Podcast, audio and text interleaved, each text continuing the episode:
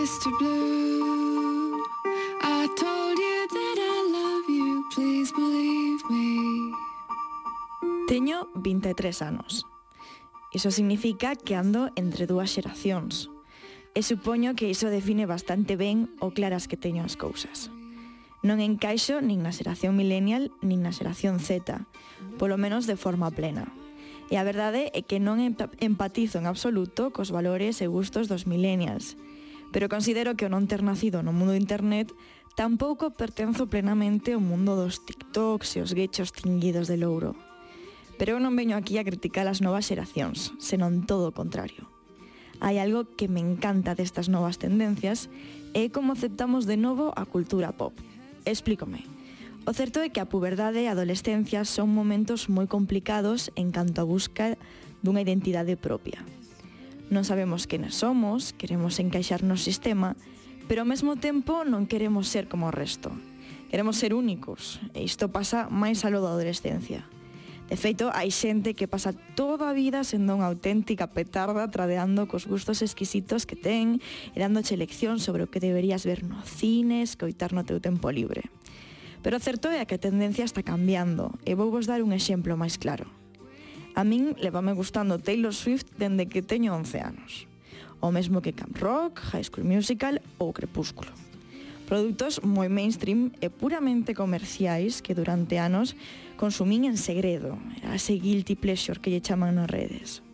E mentre eu me sentía vergoñada e deixaba que os tíos que foron pasando pola miña vida me desen lección sobre o que me debería gustar, Agora as redes, e sobre todo TikTok, porque non deixarei de facer unha especial mención a TikTok porque é increíble, eh, celebran todos estes produtos e fan soar a Taylor Swift a todo volume e sen ningún tipo de remordemento.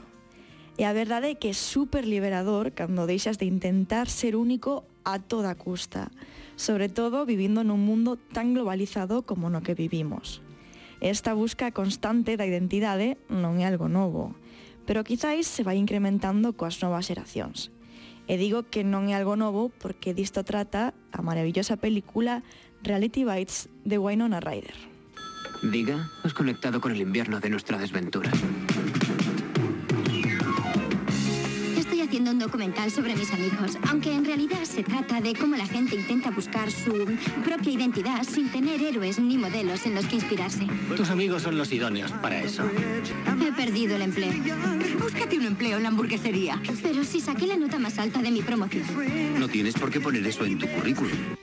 Estaba pensando eu en todo isto e a verdade é que había unha película que non saía da miña mente. Trátase dunha película que tampouco é underground nin pretende selo pero ten escenas que sen aires de grandiosidade me impactaron ata o punto de estar hoxe falando dela. Lady Bird. Lady Bird é un bo fío para botar bola a miña leira, porque ten moitos momentos que reflexionan un pouco sobre ese proceso de crecer e de buscar a túa propia identidade, empezando precisamente polo nome. Lady Bird pasa toda a película reivindicando este como o seu nome real, mentres que a nai lle sigue chamando Christine. E hai unha escena que, de novo, bueno, isto adoita pasar bastante nas películas, está moi mal traducida, na que se reflicte moi ben esta loita pola nosa identidade propia, que se dá cando Lady Bird vai coa nai a buscar un vestido para o baile de fin de curso. Me encanta. ¿No es muy rosa? ¿Qué? ¿Por qué nunca me dices que estoy guapa? Si te da igual lo que yo piense. Me gustaría que me vieras guapa. Vale, perdona. Solo quería ser sincera. ¿Quieres que mienta? No, es que solo quiero... Solo me gustaría que me apreciaras. Está claro que te quiero. ¿Pero me aprecias? Solo quiero que puedas convertirte en la mejor versión de ti misma. ¿Y si esta es mi mejor versión? Digo que está mal traducida porque na película original, cando a nai lle di que está claro que a quere, ela contesta que sí, vale que a quere, pero se lle gusta como é. Boa, é que me parece tan representativa esta frase, porque é que cando creces e deixas de ser a rapaza ou rapaz que os teus pais seguen vendo en ti ou te convertes en algo que eles non esperaban, non sempre é doado aceptarse como tal, é inevitable que un lado de nós siga buscando esa aceptación. Pero que ia, despois de anos loitando por facelo seu con California, sendo bella negra no seu colexo e na súa familia completamente conservadores, Lady Bird marcha á universidade. E pasalle algo que creo que é unha experiencia bastante común.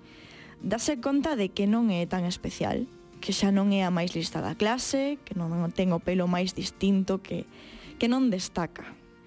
E ese é o momento o que quería chegar. O momento no que damos coa parede e descubrimos que non somos as promesas que nos fixeron creer, que non somos os máis indie nin os máis rebeldes por ter unha tatuaxe nunha aldea, e que en realidade somos un calquera. E isto é o que lle pasa a Lady Bird. Las personas usan los nombres que acabaron poniéndoles sus padres, pero no creen en Dios. ¿Cómo te llamas? Christine. Me llamo Christine. Yo me llamo David. ¿Das la mano? Doy la mano. Vale. Joder, qué música más mala tienes. Grandes éxitos. Pero son grandes. ¿Qué tienen de malo? Este momento, o sea, este momento para min, xuro vos que significou moitísimo. Dille el que toda a música que ten, pois son iso, grandes éxitos comerciais, ela contestalle, non é que por algo son os grandes éxitos. Temos tanto medo a ser como o resto do mundo, e en realidade é super liberador cando deixas de finxir que é super especial en todo momento. Que non pasa nada se che gusta Justin Bieber, que non pasa nada se a túa película preferida é Mamma Mía. E o que di, ainda que esta película dame un pouco de rabia, Tyler Durden, do Club da Loita, que non somos foler pas únicas e maravillosas no mundo. Veja.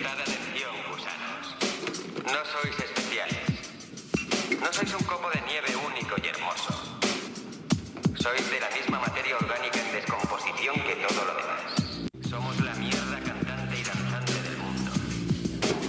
Todos formamos parte del mismo montón de estiércol. Somos la merda cantante e danzante do mundo. Así que non pasa nada por pasalo ben e bailar cos Jonas Brothers. E isto levanos a esa imaxe que se fixera tan famosa en Twitter. Algún día xa te arrepentirás de todas as cumbias que non bailaches por andar de roquerillo. é eh, precisamente iso, que ao final estamos perdidos e que de deberíamos gozar de todo que nos faga sentir ben, que des razóns para odiarte é un peliculón, e que non hai plan máis divertido que un maratón de crepúsculo, e que somos moi moi novos para estar tan tristes. Que deixemos de pensar en que pensarán os demais, e que temos tempo para aclarar quenes somos realmente se en algún momento facemos ou, como diría Carolina Durante, joder, no sé.